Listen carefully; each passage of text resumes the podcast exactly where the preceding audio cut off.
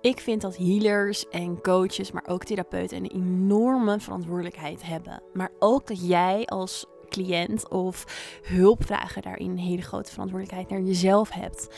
En helaas zie ik dat stukje heel vaak verkeerd gaan van beide kanten. En waarom? Dat ga ik je aan de hand van persoonlijke ervaringen uitleggen in deze podcast. Mijn naam is Lorenza Jula, healer, medium en spiritual teacher. En het is mijn missie om jou te helpen jouw connectie in spirit te versterken. Zodat je jouw kanaal kan openen voor de magie in en om jou heen. En die magie die is oneindig groot, kan ik je vertellen. Daarin zit je zielsmissie, je zielscontract, waarom je hier op aarde gekomen bent, jouw gidsenteam en nog zoveel meer. Heel veel welkom bij weer een nieuwe aflevering in Spirit.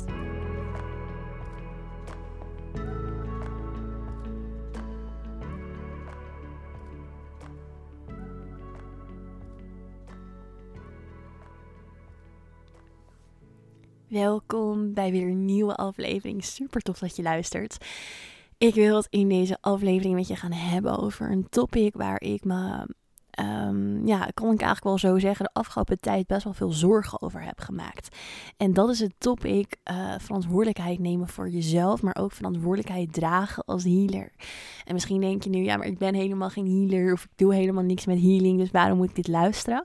Alsjeblieft luister ernaar. Want het gaat ook heel erg over wat jij kan doen om bijvoorbeeld een juiste healer of uh, coach of wie je dan ook zoekt of uh, om hulp vraagt in je proces nu of later te herkennen.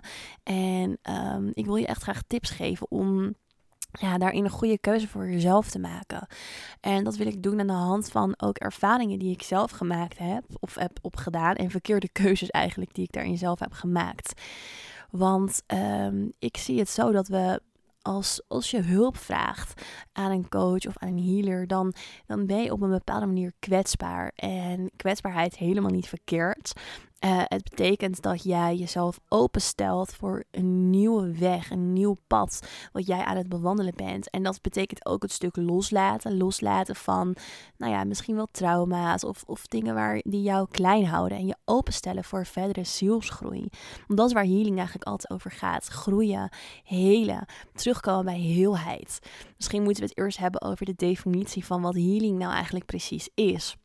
Ik geloof er namelijk in dat je niet kapot bent of dat je niet geheeld moet worden, dat je niet beter gemaakt moet worden, maar dat je um, ja, weer terug mag komen bij een heelheid in jezelf en dat je die weer mag gaan ervaren, dat je die weer mag gaan voelen en um, daar helemaal bij terug mag komen. En dat is eigenlijk onze hele purpose, het hele doel van onze incarnatie, dus waarvoor we hier in het leven zijn gekomen is heelheid ervaren op zielsniveau, ook in deze aardse dimensie. Dus als we kijken naar wat we zijn als ziel, is we zijn ooit losgekoppeld van een enorme bron aan bewustzijn. En we zijn een geïndividualiseerd deeltje van het bewustzijn geworden, dat wat we dus de ziel noemen. En die ziel die wil zichzelf leren kennen door middel van ervaringen.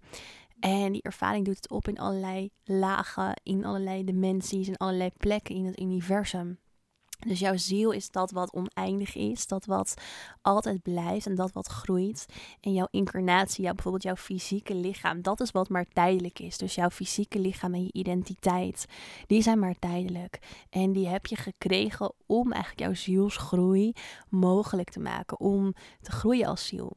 Dus die twee hebben een verbinding met elkaar. Dus je fysieke lichaam en je gedachten, het mindstuk, dus je identiteit, maken jouw zielsgroei mogelijk. Die gaan eigenlijk een soort agreement, een soort, hoe zeg je dat in het Nederlands, een soort ja, echt verbinding aan, een commitment um, om te groeien. En ze kunnen niet zonder elkaar. Het lichaam kan niet zonder de ziel, want dan zou het lichaam leeg zijn, zou het lichaam niet functioneren. Het heeft de ziel nodig. Maar de ziel kan ook niet zonder het lichaam, omdat uh, het dan niet een menselijke ervaring kan hebben. Nou, en als het gaat over die menselijke ervaring, dan gaat het er eigenlijk helemaal in de diepte om dat je weer gaat ervaren dat je ook heel bent. En dat is wel uiteindelijk iets wat wisselt per leven. Want we beginnen allemaal echt in een soort van leven waarin we heel erg het aardse leven nog mogen gaan ervaren. Waarin we heel erg de basics gaan ervaren van het aardse leven. Uh, en waarin we nog helemaal niet zo bezig zijn met spiritualiteit. En die ervaring hebben we nodig om juist uiteindelijk de spirituele ervaring mogelijk te maken. In een, in een leven waarin je dus een verhoogd bewustzijn hebt. Dus een volgend leven of nou ja, tig volgende levens. Waarin je juist heel erg kan gaan ehm, ja, vanuit die aardse ervaring jezelf ook kan, het, kan gaan verbinden met het multidimensionale veld, dus met het hogere. En ehm, ik geloof erin dat als jij nu naar deze podcast luistert, dat je daar bent. Dat je ook al vele ervaringen hebt gehad op het aardse vlak. Dat je al vele menselijke ervaringen hebt gehad. Waardoor je nu uiteindelijk ook verder mag komen in ehm, het spirituele stuk. En wat je daarin ziet, is dat je daarin juist vaak um, te maken krijgt met um, traumaverwerking, healingsprocessen. Omdat je in dit leven of in vorige levens um, dingen hebt meegemaakt die jou eigenlijk weerhouden van die heelheid. Omdat je daarmee een bepaald verhaal of een identiteit aan jezelf koppelt of verzamelt. Wat ik daarmee bedoel is, even een goed voorbeeld zoeken. Nou, ja, het eerste voorbeeld wat er eigenlijk in me opkomt is: stel jij hebt um, seksueel misbruik meegemaakt in dit leven of in een vorig leven of in allebei. Dan is dat een soort stuk, een verhaal wat jij in je ziel meedraagt. Van oké, ik heb dat meegemaakt. Oké, dat betekent dus eigenlijk dat um, die ervaring jou weerhoudt van het heelheid, de volmaaktheid die je eigenlijk in essentie bent als ziel, omdat je jezelf in een soort pijnfrequentie houdt, in een pijnlichaam houdt van de ervaring. Wat natuurlijk helemaal niet gek is, maar wat ervoor zorgt dat jij niet helemaal kan opstijgen in dat hogere bewustzijn, in licht en in liefde dit is ook iets wat tegelijkertijd gelijk weer helpt, deze ervaring, om juist wel weer in die heelheid te komen. Want de ervaring zelf, die heb je bijvoorbeeld meegemaakt op het vlak van um, de 3D-wereld, dus hier op aarde. Dus je hebt daar dat seksuele misbruik meegemaakt. En wat veroorzaakt dat? Dat veroorzaakt pijn. Wat doet pijn? Pijn trekt jou eigenlijk naar een schaduwkant. Het trekt jou naar één kant van de dualiteit. Dus wij hebben hier op aarde dualiteit. We hebben een donker en we hebben een licht. We hebben een ik en de ander. We hebben een ja, een uh, warm en koud. Een, een, een, een um, nou ja, weet je, al die tegenpolen. Dus deze ervaring die zorgt ervoor dat jij de pijnkant eh, gaat ervaren van het hier op aarde zijn. Wat doet dat? Het zorgt er ook voor dat je tegelijkertijd die andere kant beter kan gaan ervaren. Dus de lichte kant beter kan gaan ervaren. Dus zo werkt pijn eigenlijk als een katalysator voor um, jouw healing en groeiproces. En wat je mag gaan ervaren, waar je naartoe mag bewegen, is eigenlijk een hoger bewustzijn. En dat hogere bewustzijn, dat, dat betekent dus dat je naar een hogere trilling gaat, dat je naar een hoger letterlijk bewustzijn eigenlijk gaat, waarin je anders naar die ervaring gaat kijken. En wat ik dan bedoel met anders naar die ervaring gaan kijken, is dat je dus eigenlijk gaat zien dat er geen goed en geen fout is in die ervaring. En dat dat seksuele misbruik wat je hebt meegemaakt in dit leven of vorige levens, eigenlijk niet goed is en ook niet fout is en dat het gewoon is.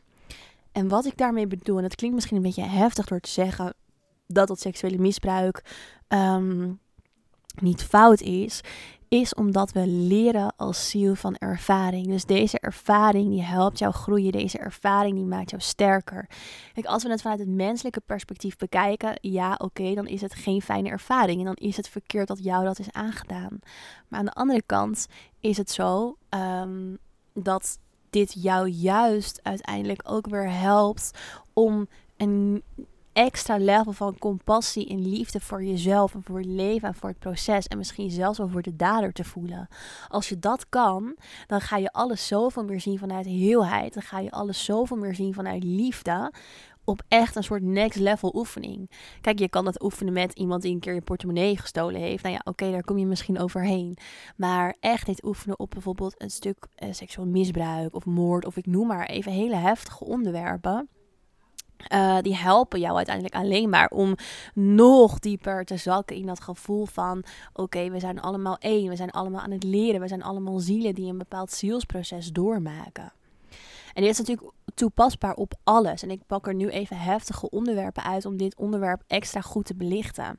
Maar ik heb zelf ook um, nou ja, ervaring met het healen van dit onderwerp in mijn persoonlijke stuk. En het heeft mij heel erg geholpen om uiteindelijk juist echt Ehm, nog meer te gaan zakken in liefde en in dankbaarheid. Uh, voor mijn eigen proces, voor ieders proces, voor het proces van het universum. En te oefenen om echt vanuit compassie naar alles te kijken. En dat betekent natuurlijk niet dat je moet spiritual bypassen. Dus dat je eigenlijk uh, voorbij gaat aan de pijn. Nee, want die heb ik ook heel erg mogen en moeten voelen hiervoor eerst.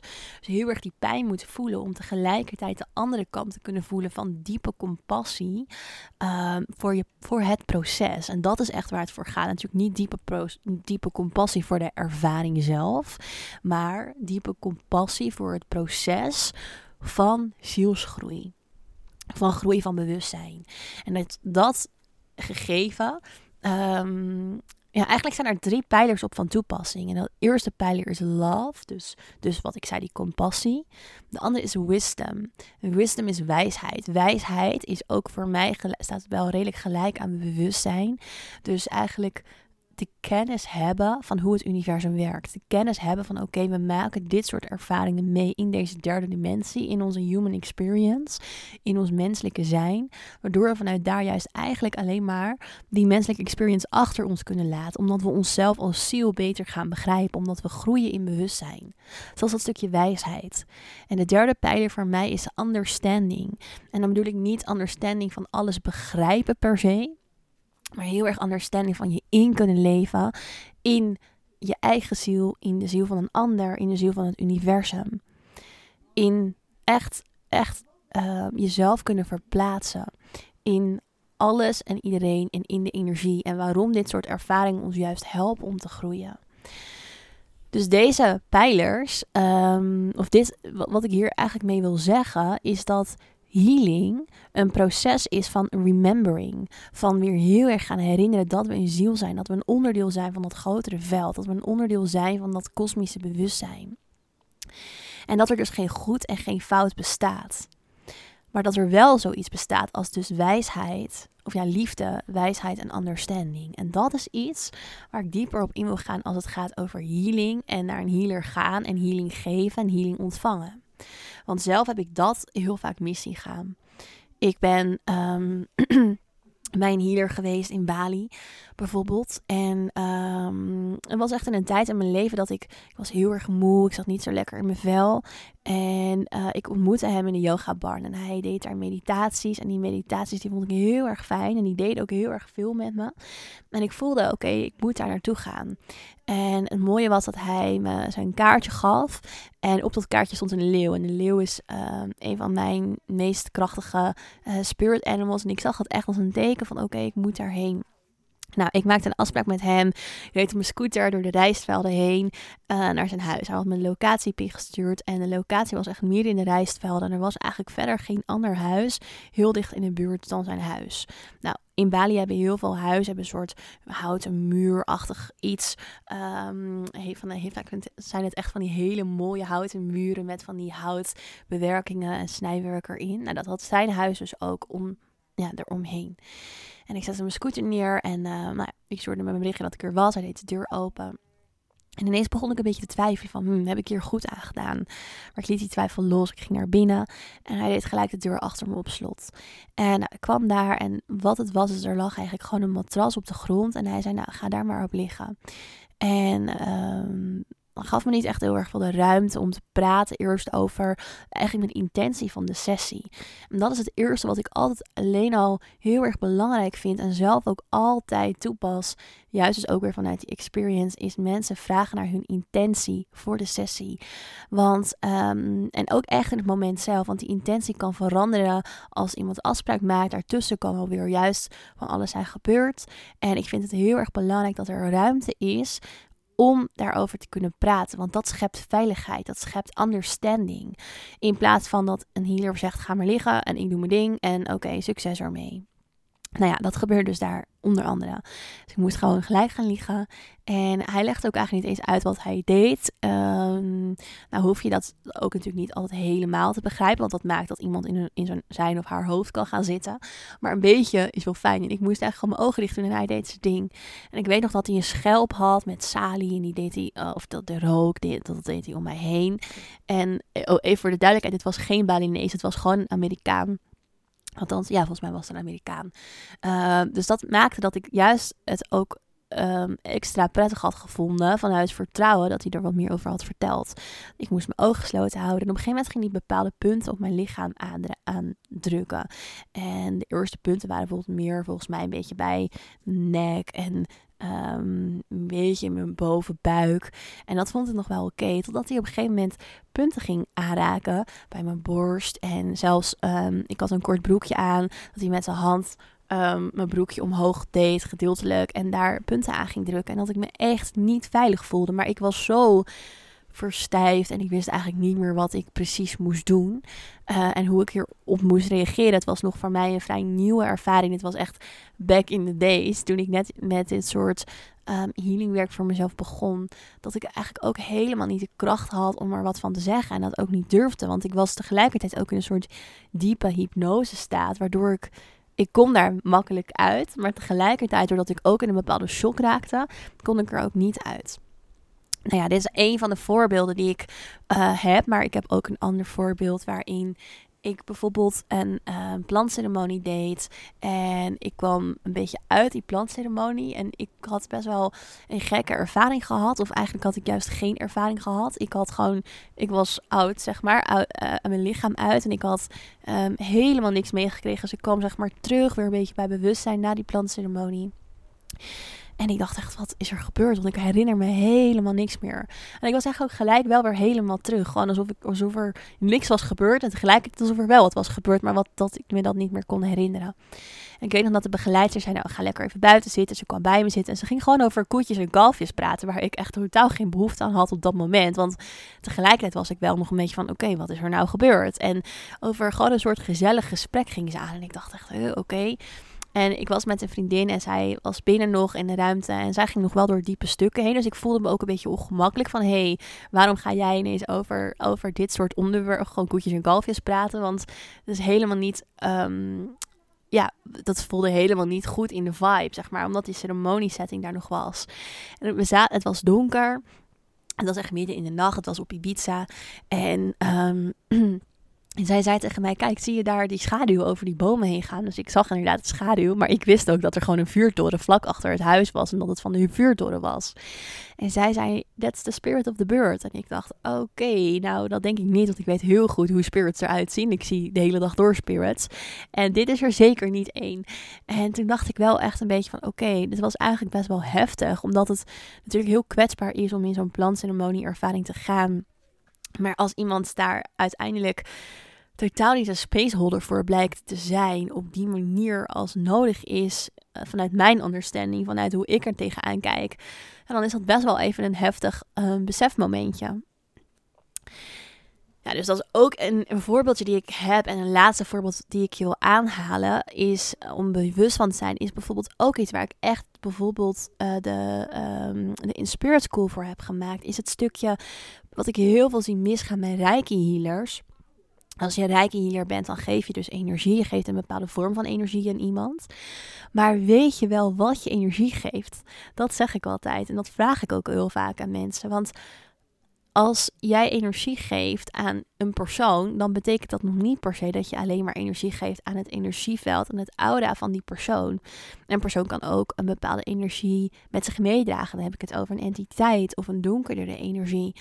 En um, ja, wat geef je dan energie als jij rijking geeft? Heel veel mensen weten eigenlijk niet eens hoe ze überhaupt een entiteit kunnen voelen, kunnen opmerken, kunnen zien, kunnen, ja, kunnen onderscheiden van het aura van die persoon. En het is echt niet oké als je dat rijking gaat geven. Uh, of licht gaat geven. Want dat is juist waar een entiteit op uit is. Die is uit op licht. Die, die claimt zich vast aan jouw energieveld. Omdat het eigenlijk gewoon met jou mee wil liften.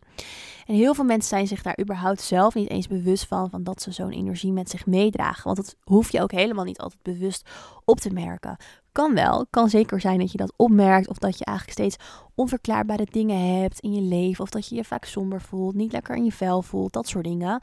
Een oorzaak kan zijn dat je een energie met je meedraagt in je auraveld. Hoeft niet per se de oorzaak te zijn. Kan dus ook zijn dat je het helemaal niet merkt als dat het geval is. Maar ik vind dus wel dat een rijke healer dat absoluut moet opmerken. En moet leren hoe het dat op kan merken. En ook hoe het, dat het ook moet leren hoe het dat weg kan halen. Omdat het anders de schade alleen maar sterker maakt. En dat is bijvoorbeeld iets waar ik me vaak zorgen over maak. Omdat in healing sessies heel vaak mensen bij mij komen en zeggen: Ja, ik heb echt al heel veel geprobeerd met healing. Maar ja, soms wordt het eigenlijk alleen maar erger. Of hey, ik weet eigenlijk niet waarom ik nou steeds opnieuw tegen dit soort dingen aan blijf lopen. En ze eigenlijk gewoon uiteindelijk um, heel sterk zo'n energie met zich meedragen. Die, die dus lekker energie uh, heeft kunnen opzuigen, juist in die andere healing sessies. Nou, ik zeg dit als absoluut niet om je bang te maken of iets. Um, ik zeg het wel omdat ik vind dat we hier dus allemaal echt verantwoordelijkheid in moeten dragen. Dat is ook wat ik echt heel sterk wil benadrukken in deze podcast. Dus dat je als healer verantwoordelijkheid moet dragen over nou, dus love, understanding en wisdom. Love voor mij is ook eens compassie voor diegene, een luisterend oor bieden. Dat is ook wel een stukje understanding. Maar ook veiligheid waarborgen. Dat is echt het allerbelangrijkste. En hoe doe je dat dan? Dus weten hoe je echt heel goed een spaceholder kan zijn voor iemand. Um, en dat zijn dingen waar ik bijvoorbeeld in de Inspirit School ook heel diep op inga. Niet per se omdat je met de Inspirit School alleen maar leert om een healer te zijn, absoluut niet. Maar wel ook voor je eigen stuk juist weer. Dus hoe kan je een spaceholder zijn voor je eigen energie, voor je eigen proces? Maar dus ook wel als je wel een healer bent of dat of een coach bent, hoe kan je dat echt goed zijn voor de ander? Op energetisch niveau heb ik het dan over.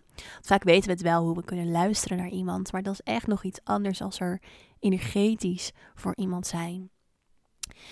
En um, nou ja, naast dus dat stukje veiligheid ook echt leren hoe werk ik nou met energie? Wat echt tot in de diepte? Wat doe ik als er dus zo'n entiteit bij je is? Dat zijn dingen die uh, ik ook allemaal mensen daarin leer voor jezelf, om dat bij jezelf op te merken en ook bij een ander. En wat kan jij nou doen? Nou ja, dus even kort, wat kan jij nou doen als healer? Is dus daar echt jezelf, vind ik, heel erg in verdiepen. Weten, oké, waar maak je nou contact mee? En dat geldt dus ook voor jou als, als persoon, als niet-healer. Um, oké, heel vaak zeggen mensen tegen mij: Ik heb contact met een energie gemaakt. En oh, wat tof, ik heb mijn spirit guide leren kennen. Maar weet je wel dat dit, of dit echt jouw spirit guide is? Is dit wel werkelijk jouw spirit guide? Want het kan ook zijn dat een energie zich zelfs voordoet als jouw spirit guide. Nou, wat daarin een simpele tip is, die ik je alvast wil geven, wil je hier dieper op in, dan zeg ik echt, ga echt aan de slag met in Spirit School. Omdat je daarin heel uitgebreid leert om dat allemaal te ontdekken, te herkennen, te erkennen, et cetera. Maar het eerste is dat je als je contact maakt met een energie, je aan die energie moet vragen. ik doe het eigenlijk altijd in het Engels dus. Are you of the highest good and compassion of all light of all divinity? Vraagteken. Dus wat je daarmee eigenlijk zegt is: ben jij echt van het hoogste licht? Ben jij echt van compassie? En je spirit guides zijn automatisch altijd van het hoogste licht. Als je een, een, een entiteit of een energie die zich voordoet als jouw spirit guide, die kan daar niet. Um, die kan daar niet met ja op antwoorden als dat niet zo is. En waarom niet? Omdat als jij die vraag stelt, jij automatisch je eigen frequentie omhoog brengt. Want je stemt je af op het hoogste licht. En licht en donker, donker wint het nooit van licht. Dus je gaat gelijk voelen dat de energie van die energie lager blijft dan die van jezelf. En dat je dus ook eigenlijk een nee terugkrijgt. Als je een twijfel hebt, dan is het vaak ook niet goed. Hoe je het ook kan opmerken is bijvoorbeeld als je in contact bent met zo'n gids, dat deze gids bijvoorbeeld jou naar beneden haalt. Of eigenlijk zegt, nou dat heb je niet goed gedaan. Of hé, hey, dit moet je anders doen. Of hé, hey, ik zou dit doen. En dat het vaak om negatieve dingen gaat. Of iets waarin jij eigenlijk je eigen kracht weggeeft. Een spirit guide zou nooit jou negatief benaderen. Nooit. Never, ever, ever. Echt niet. Dus um, dat is ook even simpel, heel simpel trucje waarin je beetje het verschil op kan gaan merken tussen oké, is dit een zuiver iets of een niet zuiver iets. Um, dus dat kun je dus ook voor jezelf echt doen. Um, er zijn zoveel tips die ik hierover met jullie zou willen delen. Um, wat je ook echt kan doen als jij persoonlijk dus op zoek gaat naar een healer, is allereerst dus ook heel duidelijk voor jezelf je intentie helder hebben. Als mensen bij mij een sessie boeken, dan geef ik ze dat ook altijd mee vooraf in de mail van oké, sta alvast stil bij je intentie. Wat is jouw intentie? Want daarmee ga je ook met een bepaalde energie de sessie in. En energie um, de input van energie bepaalt de output van energie. Dus als jij met een hele heldere intentie de sessie ingaat, dan krijg je dat ook terug. Want energie resoneert met energie. Ehm, dus als jij eigenlijk heel vaag en zo die sessie ingaat, dan, dan kan er ook veel meer, zeg maar, uh, in de energie vaag blijven. Of ook dus de andere kant op zijn. Dat je eigenlijk een ervaring krijgt die je niet had gewild. Dit is trouwens wel iets anders dan een sessie open ingaan. Soms vragen mensen dat aan mij van, hey, kan ik de sessie heel open ingaan? Ja, dat kan. Maar voel dan bijvoorbeeld wel in intentie van, hey, wat zou je fijn vinden in gevoel? Welk gevoel zou je uit de sessie willen halen? En dat weten ze heel vaak wel. Dus er is niet altijd bijvoorbeeld een hele heldere hulpvraag nodig. Van oké, ik wil dit aangaan of ik wil dat te weten komen. Maar ik wil me eigenlijk na de sessie zo en zo voelen. Daarmee zend je ook al een bepaald energetische frequentie af. Waardoor je dat dus ook most likely uh, terugkrijgt. Um, ja, dus voor jezelf wat je kan doen richting een healer, zeg maar, is je intentie helder krijgen. En ook doe je research. Doe echt je research. Heel erg belangrijk. Uh, vraag desnoods aan diegene hoe hij of zij te werk gaat. Uh, vraag naar ja, wat diegene zou doen als er bij jou iets heftigs naar boven komt. Um, en tegelijkertijd, wat ook heel erg belangrijk is, en eigenlijk misschien wel het allerbelangrijkste is, is wees in vertrouwen voor jezelf. En daarmee bedoel ik absoluut niet wees naïef. Maar wees in vertrouwen voor jezelf dat dat uit de sessie komt wat jij nodig hebt. Wat ik daarmee bedoel is, als jij heel sterk in vertrouwen gaat zitten, dan zend je dus ook die frequentie van vertrouwen uit. En daarmee um, geloof ik er ook heel sterk in dat je ook echt um, vertrouwen en dat wat de bedoeling is terugkrijgt in jouw pad en op jouw proces. En daarmee haal ik misschien mijn vorige punten weer een beetje onderuit. Want je moet natuurlijk alsnog wel echt um, heel um, ja, kritisch. Nou, kritisch is niet het goede woord, maar aware zijn of met wie je aan het werk gaat. En niet zomaar iedereen weer vertrouwen. Maar dat bedoel ik er ook niet mee vertrouwen in jouw proces, vertrouwen in jouw pad, sterk daarin zijn. Als je dat kan, dan ga je ook voelen of een healer daarmee resoneert. Achteraf, bijvoorbeeld het voorbeeldje van Bali, ik was toen niet in vertrouwen, want ik wist eigenlijk helemaal niet wat ik kon verwachten. Ik had nog niet meer research gedaan, ik had eigenlijk niet echt mijn intentie. Ik, ik, ik, ik, er was bij mij echt een lek in vertrouwen. Ik was nog veel te veel in mijn eigen onzekerheid. En daardoor kreeg ik dus ook deze ervaring.